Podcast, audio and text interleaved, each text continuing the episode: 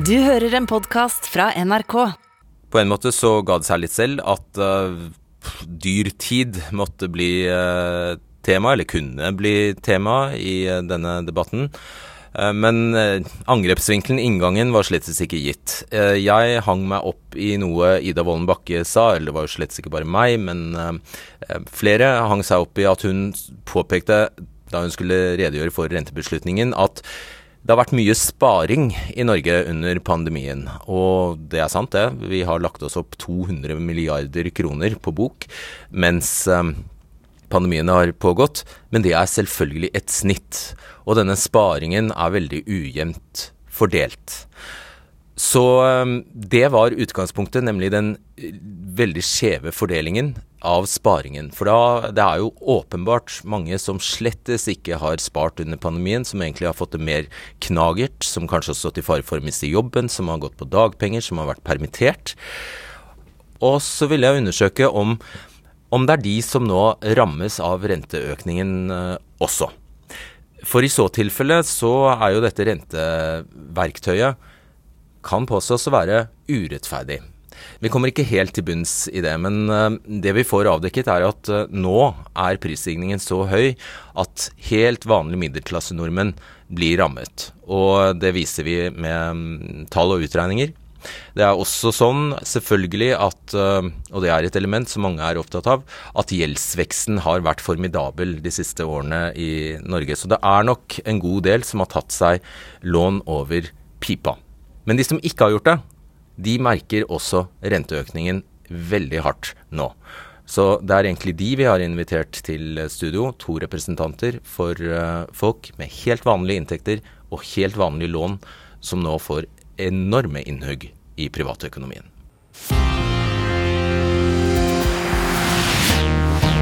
Sparingen har vært høy under pandemien. Mange har satt av penger. I tillegg går det godt i Norge, så godt at økonomien må kjøles ned, sa sentralbanksjef Ida Wolden Bakke på torsdag da hun satte opp renta. Men mange har slettes ikke spart. Mange har fått mye mindre under pandemien. Og faktisk bor én av fem nordmenn i en husholdning som ikke klarer en uforutsett utgift på 18 000 kroner. Og det skal bli langt verre, dere. I året som kommer skal en vanlig norsk familie få ekstrautgifter til renter, strøm, drivstoff og mat på 45 000 kroner etter strømstøtten. Her er eh, Cecilie Johannessen, som er butikkmedarbeider og eh, småbarnsmor fra Bergen. Her er også Håvard Vedvik, som er maritim redningsmann fra Skien, som venter barn nummer tre. Hei. Hei.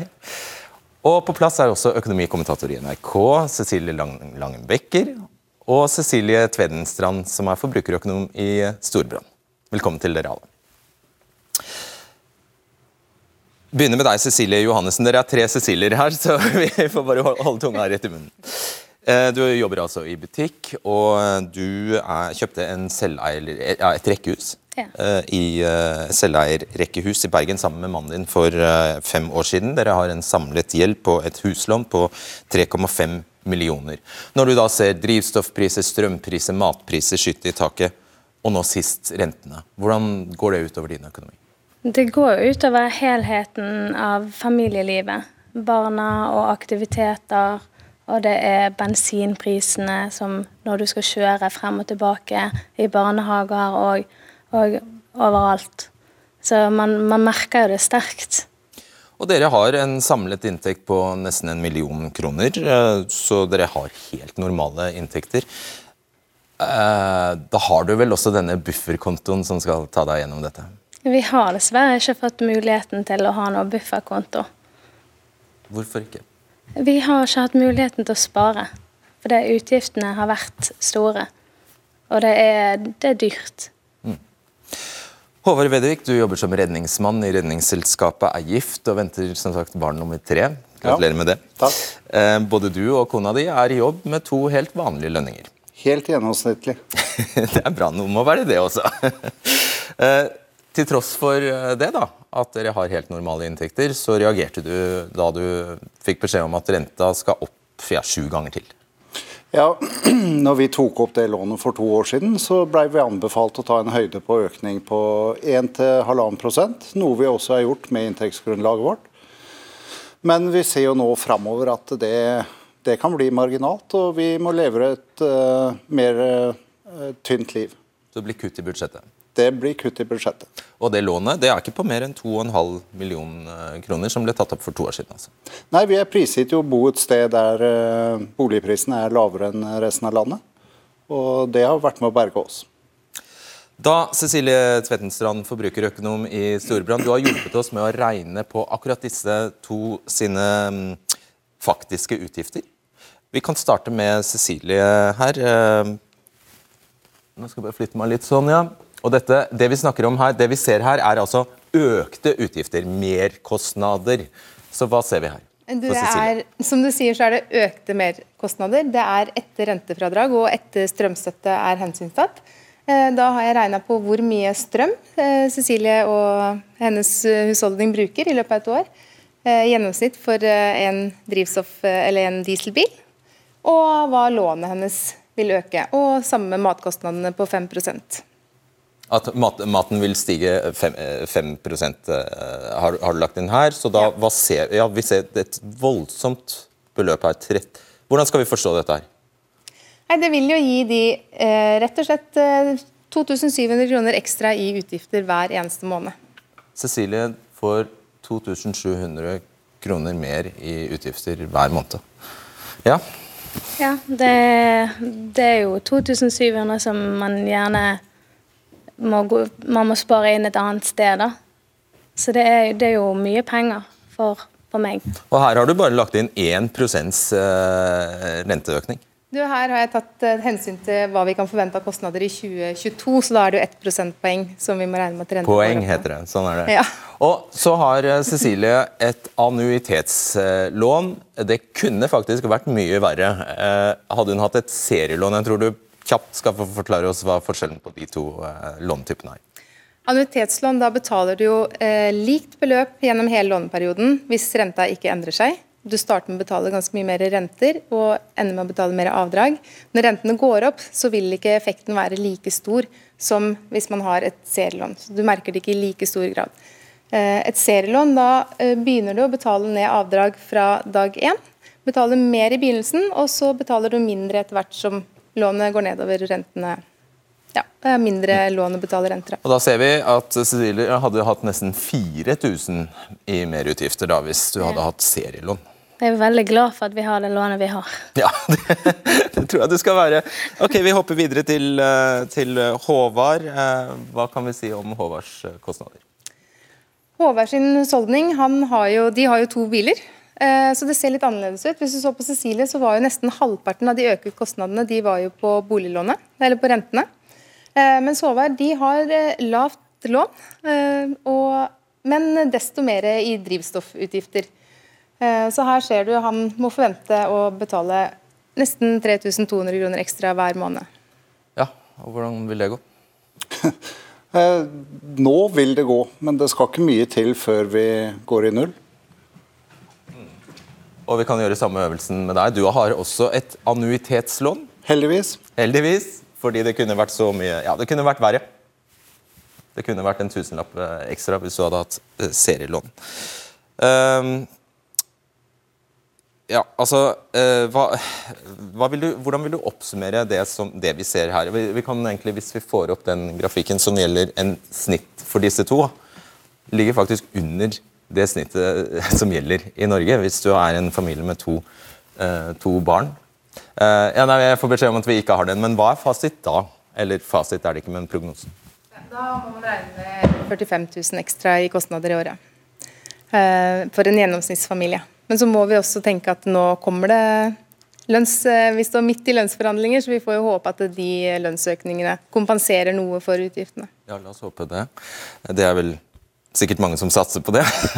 Men fullt ut, bare for å klargjøre det. altså En lønnsøkning på, 40, ja, på nesten 50 000 kroner. Urealistisk, antagelig? Det er nok litt urealistisk. Vi, de aller fleste dessverre må regne med at vi kommer til å merke at vi får litt dårligere råd i den neste perioden. Og vi må også, som Cecilie var inne på, skjerpe inn forbruket og prioritere hardere hva man bruker penger på. Mm. Så er det jo veldig viktig nå at man setter seg inn i hva disse økte rentene vil si for ditt eget lån. Bruke boliglånskalkulator og virkelig begynne å regne på det i dag, så man har mulighet til å begynne å forberede seg. Og i 2023 kan det se enda verre ut, eh, har vi jo skjønt. Cecilie Langen Becker, du er også økonomikommentator i eh, NRK. Hva er poenget med renteøkning, egentlig? Altså, poenget med renteøkninger det er jo um, at man skal stagge denne prisveksten som vi nå står midt oppi. Det er jo det som er målet til Norges Bank. Og måten Man gjør det på, man setter da opp renten. Det er et veldig sånn presist virkemiddel. Det gjør jo at du og jeg får mye mindre å rutte med, og som Cecilie ved siden av meg er inne på også, det gjør jo at, at man begynner å prioritere hardere og bruke mindre penger inn i økonomien, som man jo er nervøs for at det er i ferd med å overopphetes. Så Det er liksom en av grunnene. Så bare sagt på en annen måte, sentralbanken vil at Håvard og Cecilie skal få mindre å rutte med, sånn at de snurper igjen og bruker mindre penger? Er det, det er det som er hensikten her? Ja, Det er i hvert fall eh, det det ender med. Eh, nå er det sånn at Vi har hatt en ganske lang periode med nullrenter eh, bak oss. og da var det jo En veldig uheldig bieffekt av det var jo at at eh, veldig mange som hadde trygge og stabile jobber, de benytter anledningen til å se oi, ser hvilket boligland jeg kan betjene nå. Man oppfinansierte hytter og biler og båter. og Det førte til et voldsomt hytteboom og bilboom og båtboom, som kanskje sannsynligvis ikke Håvard og Cecilie kjenner seg igjen i det hele tatt. Eh, oppleves nesten surrealistisk for veldig store deler av befolkningen. sånn at det er litt den prisen vi kanskje betaler nå. at vi Eh, hadde veldig sterk etterspørselsvekst eh, hos veldig mange, og som bidro også å drive prisene opp gjennom eh, koronapandemien. Skulle tro vi hadde planlagt dette, for nå skal vi vise nettopp det. Cecilie Langebekker, vi skal, nemlig, Det er viktig at vi får med at det er mange i Norge som har det bra økonomisk. Mange har vært med på en sterk boligprisvekst. Og Det denne grafen her viser, er at en stor del av vår velstandsvekst de siste årene er basert på gjeld, akkurat som Becker sier her. Nå har det vi ser her, er at 20% av husholdningene har lån på mer enn tre ganger inntekten. Og 10% har lån på mer enn fire ganger inntekten, altså 400% av inntekten. Og nordmenn har spart. Vi har, sett under ett, spart 200 milliarder mer under pandemien men som sagt, vi må tilbake til det, sparingen er veldig skjevt fordelt.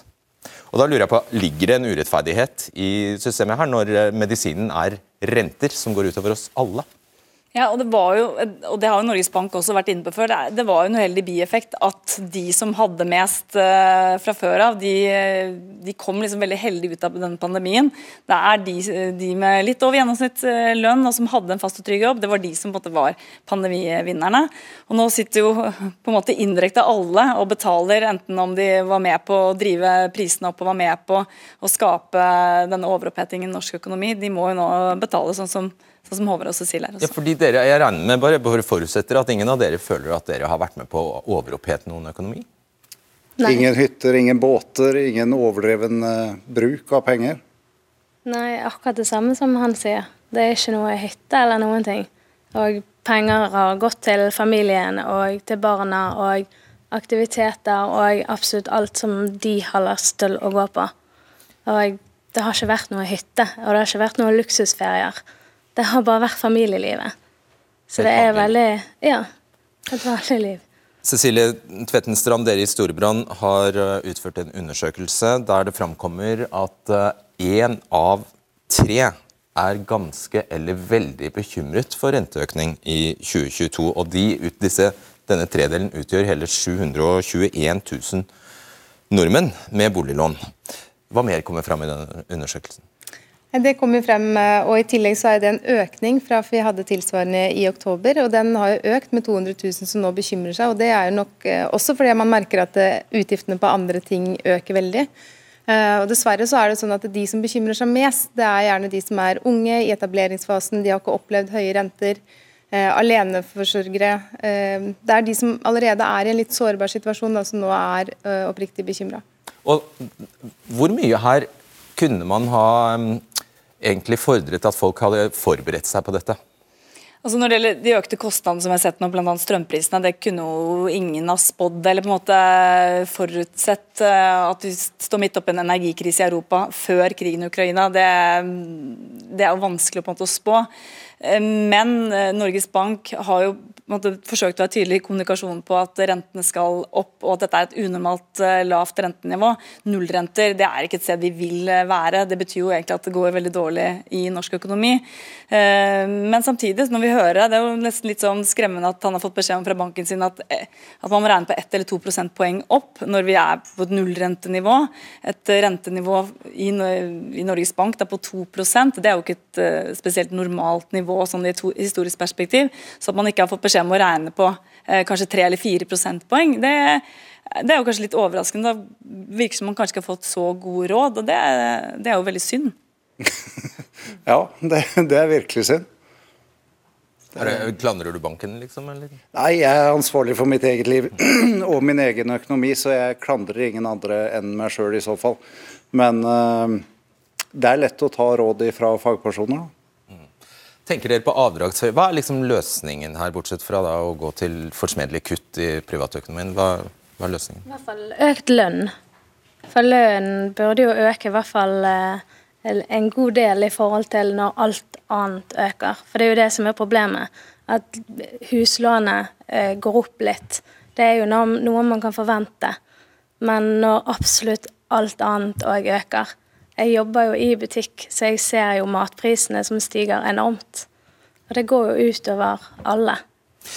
Eh, Tvettenstrand, hva er, bortsett fra å bruke kalkulatoren og sånn, hva kan man gjøre?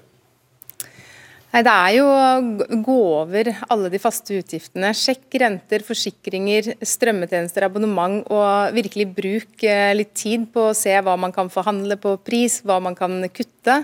Eh, for her er jo selvfølgelig ganske mange kostnader man kan kutte. Men så er det jo, som Cecilie er inne på, at eh, har man gjort alt man kan med forbruket, så er det jo inntektene eh, man må gå på.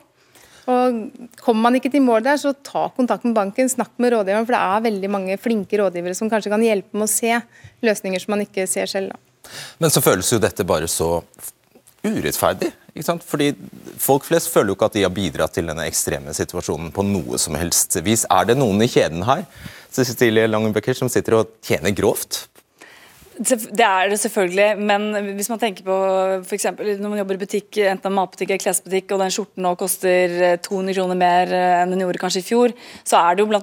pga. de høye energiprisene. Det er, det er, dyrt å lage varen, det er dyrt, å transportere varen. Men så er det jo egentlig indirekte du og jeg sitter jo og håver inn oljen som ligger i bakken. Den er jo veldig mye mer verdifull nå, sånn at vi får jo veldig eh, stor økning i eh, inntektene i statskassen. Sånn at eh, vi er jo blant dem som håver inn mest på den situasjonen sånn, sånn som den ser ut nå. Staten. Staten. Dere blir stående, dere kan flytte dere dit og si tusen takk til dere, Cecilier. Takk. Nå skal vi eh, få inn noen politikere her, men først skal jeg bare minne om at debatten eh, finnes i NRK TV. Der kan du finne din favorittutgave av debatten, og så kan du spole tilbake så mye du vil. Ja, Regjeringer over hele kloden står egentlig i omtrent samme dilemma her. Økonomien er på vei tilbake etter pandemien, etter at det ble trykt penger og utstedt krisepakker. Nå må det strammes inn for at ikke alt skal gå over styr. Samtidig har en energikrise ulmet i Europa en god stund som ga oss skyhøye gasspriser og strømpriser, og noen eksperter spår at et brød vil koste 100 kroner før dette er over. Og Så kom krigen i Ukraina, og nå stiger alt. Så hvordan skal det, norske, da norske politikere innfri valgløftene sine om at folk som tjener mellom 400 og 700 000 skal få bedre kjøpekraft, eller at hverdagen skal bli bedre for vanlige folk med vanlige inntekter? Velkommen til Eigil Knutsen fra Arbeiderpartiet, Heidi Nordby Lunde fra Høyre, Kari Elisabeth Kaski fra SV og Per Olaf Lundteigen fra Senterpartiet. Starte med deg, eh, og jeg vet at du har et stemme Vi kan jo advare folk på forhånd om at du er litt hås. Eigil Knutsen, du er altså leder for finanskomiteen og stortingsrepresentant for Arbeiderpartiet. Vårt svar er trygghet og solidaritet, sa Støre i landsstyretalen sin i dag, hvor han Eh, snakket om utfordringene norske husholdninger står eh, overfor. Hva betyr det for Cecilie og uh, Håvard her? Det gjør jo veldig stort inntrykk å høre disse historiene. Eh, og så tror jeg vi skal være ærlige på at vi som driver med finanspolitikk nå, vi står i noen ganske store dilemmaer. For disse historiene om særlig økte renteutgifter, som vi jo ser, de slår veldig hardt inn i privatøkonomien. Og så vet vi at hvis vi går inn og skal kompensere for det over statsbudsjettet, så kan rentene øke enda mer eh, enn de allerede ligger an til å gjøre. Så svaret blir å prioritere bedre og omfordele mer og omfordele bedre. Vi er i gang med statsbudsjettet som ble vedtatt for 2022 hvor åtte av ti fikk lavere skatt, billigere barnehage, eh, gratis SFO. Eh, men vi må eh, ha sterkere lut til også i omfordelingspolitikken. Så bare for å få det helt tydelig, Arbeiderpartiet vil ikke komme med noen tiltak som hindrer eller som bøter på at folk kan få jeg får 45 000 kroner i, i ekstraregning i år? Jo, selvfølgelig, og det har vi allerede gjort. og nå Førstkommende fredag så kommer det en forlengelse av strømstøtteordningen for å gi trygghet og forutsigbarhet ja, helt fram til ja, men det er nå den kommer og blir bevilga penger til i Stortinget, forhåpentligvis, eh, for å gi forutsigbarhet helt fram til mars 2023.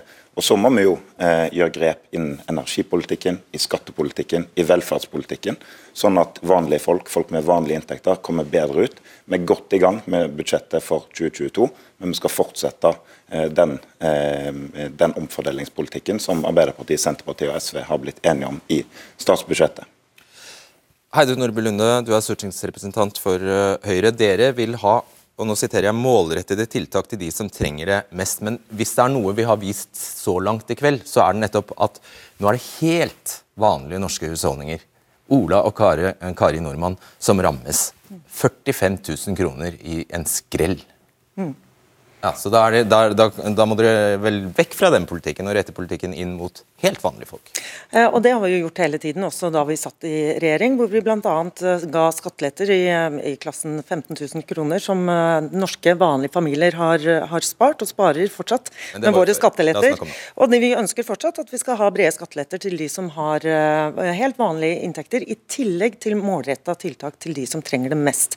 Fordi Det vi står i fare for, er jo at vi kan få en ond spiral med at vi får mer tiltak og støtte som fører til mer forbruk, som fører til økt eh, krav om høyere lønninger, som igjen driver inflasjonen og renta oppover. Så velment politikk fra eh, politikernes side kan jo virkelig føre til en ond spiral som gjør det verre for både Håvard og eh, Cecilie, og det er det vi må unngå i økonomien akkurat nå. Ja, Men de skal, beskjeden til dem, og de, som, de er jo her som representanter for mange da, ikke sant. Beskjeden til dem er bare at de må, dette må de, bare, de må bare bite tennene sammen, kutte i budsjettet og spa opp de 45 000 kronene? Ja, nå håper vi jo også at man får et moderat, men godt eh, lønnsoppgjør, som dere også var eh, inne på, som kommer til å avhjelpe noe av det. Og som minner om, som du selv også har vært inne på, eh, nemlig det at de aller fleste norske familier har råd til litt høyere, øh, høyere priser i en, i en, periode.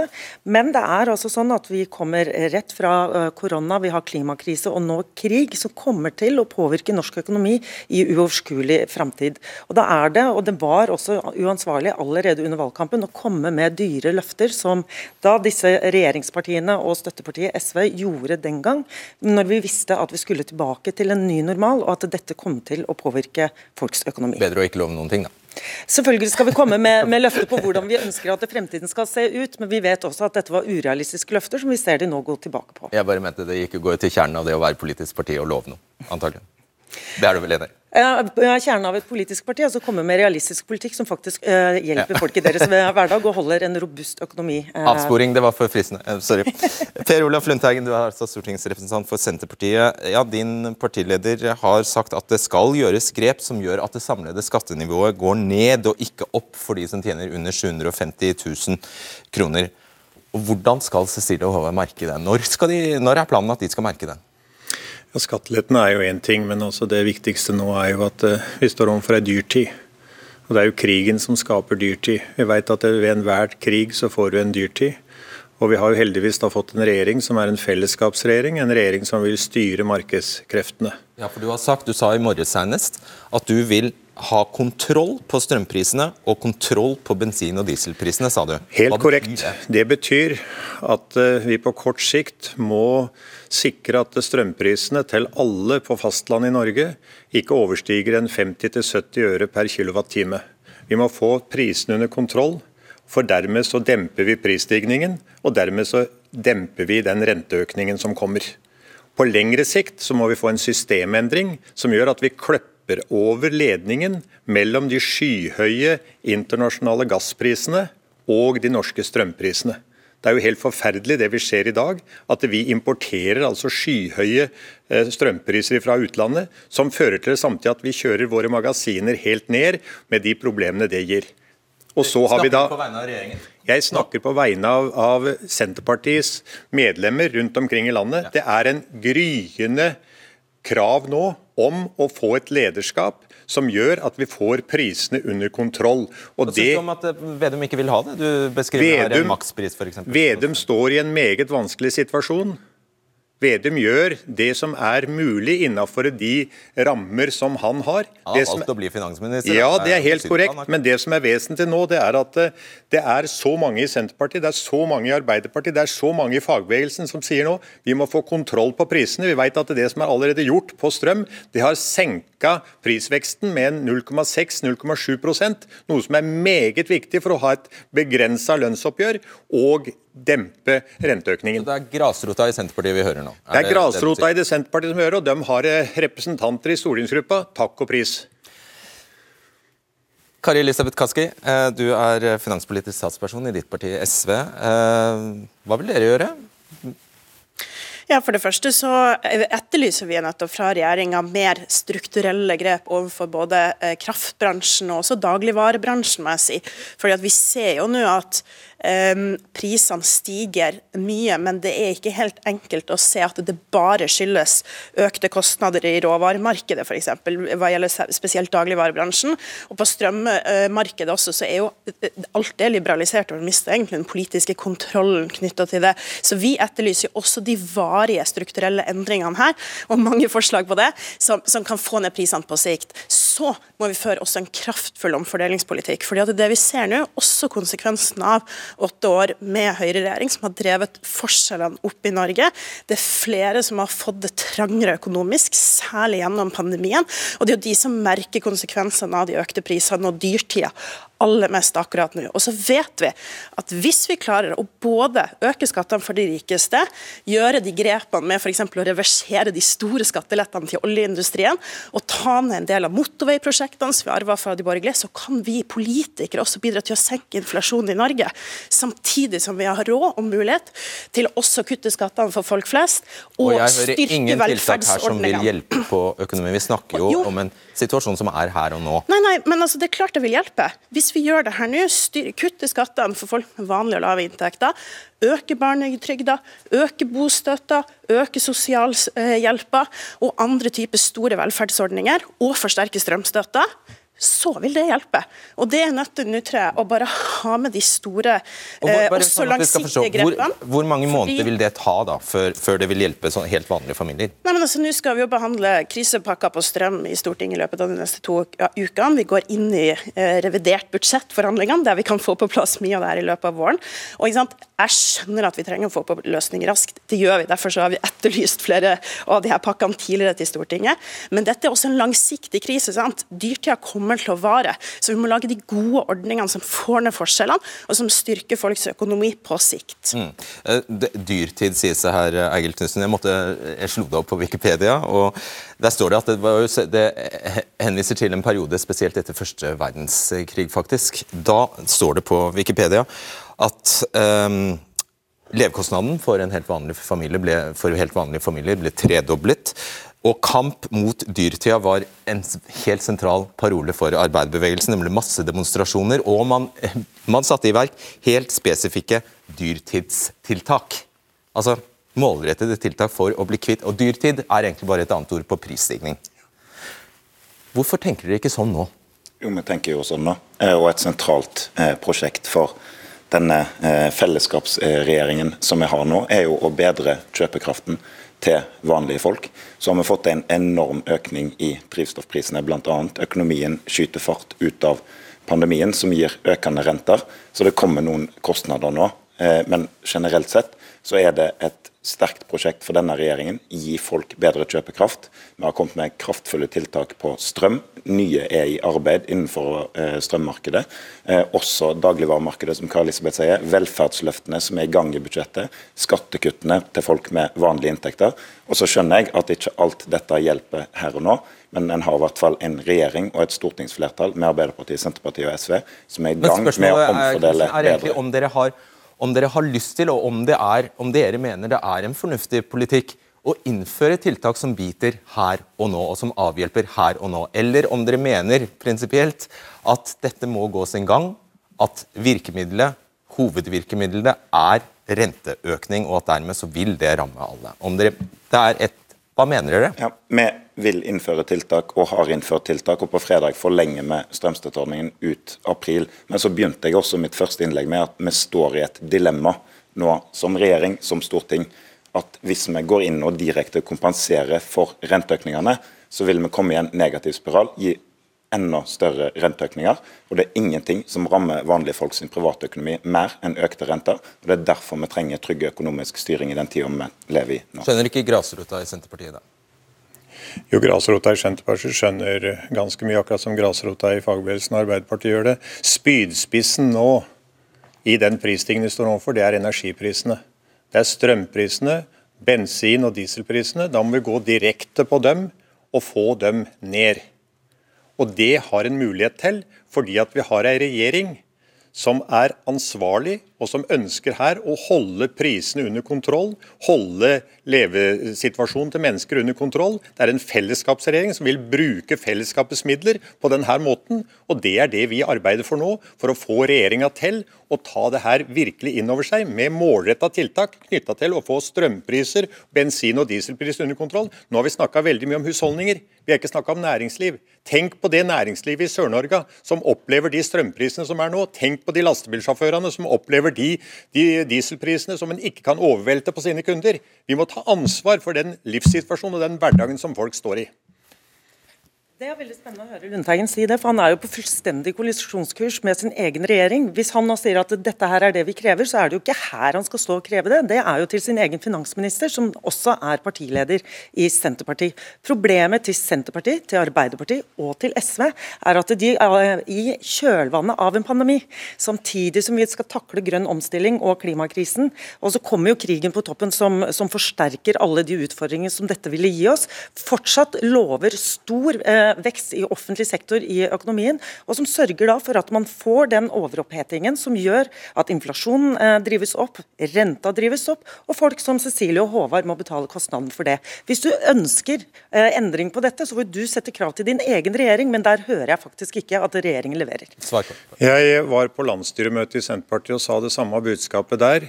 Vi har ombudsmenn i Senterpartiet på Stortinget som forteller hva er som rører seg blant folk. Vi har finga nede i grøten til hverdagslivet til folk. Vi lytter til folk både i krevende og mindre krevende tider, og sier ifra. Fra Høyre så har jeg ikke hørt en eneste ombudsperson dere, dere sitter jo på toppen av Finansdepartementet? Vi i Senterpartiet sitter på toppen i Finansdepartementet, det er helt korrekt, sammen med et annet parti. Og vi ønsker nå å få til en bevegelse som gjør at vi får en endring.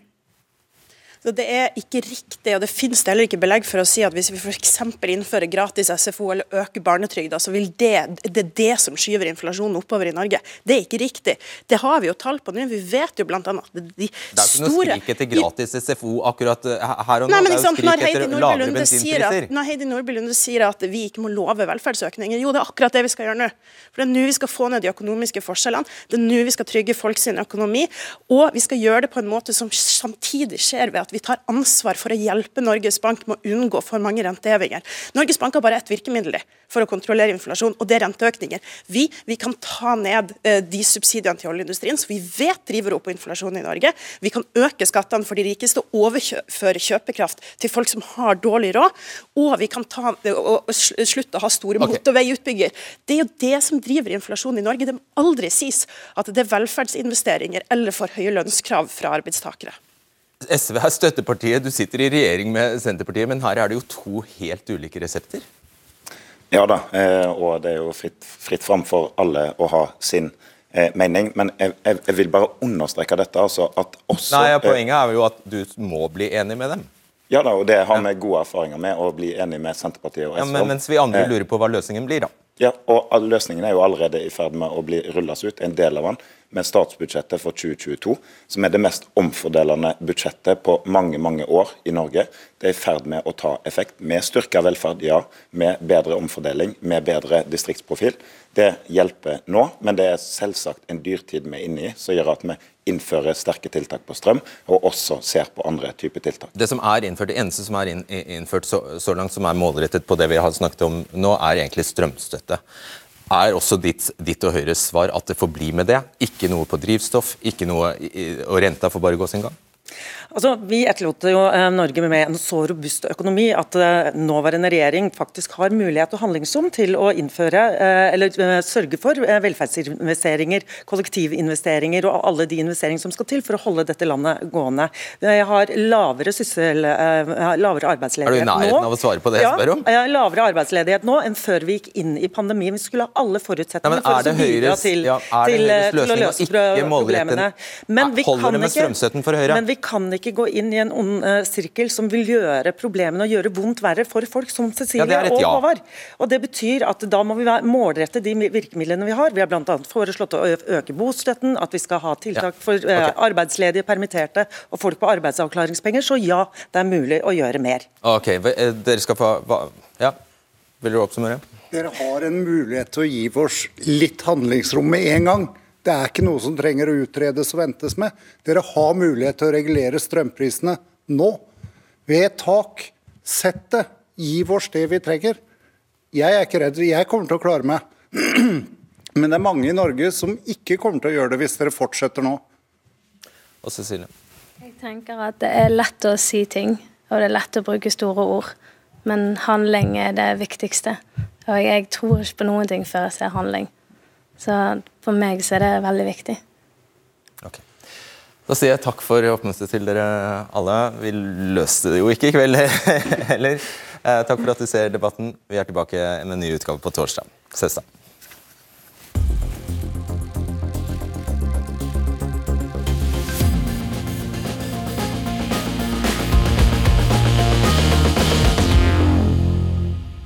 Ja, Trygve Slagsvold Vedum var invitert til debatten i kveld, men vi fikk beskjed om at han bare ikke kunne. Så ja, skulle gjerne ha likt å vite om de følte seg, hele partiet, om partiet følte seg godt representert av Per Olaf Lundteigen. Det er i hvert fall veldig interessant det han sier. Og så merker vi oss vel for øvrig at dette er en vanskelig situasjon for partiene. Det visste vi. Et alternativ til å la det bli en politisk runde eh, som det ble, uh, og det var egentlig det vi startet med, var en uh, diskusjon om selve rentefastsettelsen, om den bør være så uavhengig som den er per i dag. Vi trodde i vår fordomsfullhet at Rødt ønsket en større grad av politisk styring over renta, men det viste seg at det gjør de ikke, så der, da falt den. Det andre vi vurderte, var å invitere arbeidstakerne, fordi eh, det blir jo veldig spennende i dette lønnsoppgjøret. Hvem drar det lengste strået? Blir det utdanningsgruppene, eller blir det lavtlønnsgruppene? Det er egentlig en veldig klassisk strid, men den kommer til å blusse opp som bare det i år. Fordi store grupper som lærere og sykepleiere mener de har fortjent uh, mye mer pga. pandemien. Hvis de skal få veldig mye mer, så vet man at det kan gå på bekostning av lavtlønnsgruppene som krever flate kronetillegg. Så det kan godt hende at det er en av de neste debattene vi skal ta. Jeg vil bare takke Håvard og Cecilie som meldte seg på Instagram. Utrolig fortjenestefullt at de gjorde det, og tusen takk til dere andre som også gjorde det. Vi hadde ikke greid å lage dette programmet med så levende historier, og virkelige historier fra folk flest, uten deres hjelp. Så tusen takk for det. Du har hørt en podkast fra NRK. De nyeste episodene hører du først i appen NRK Radio.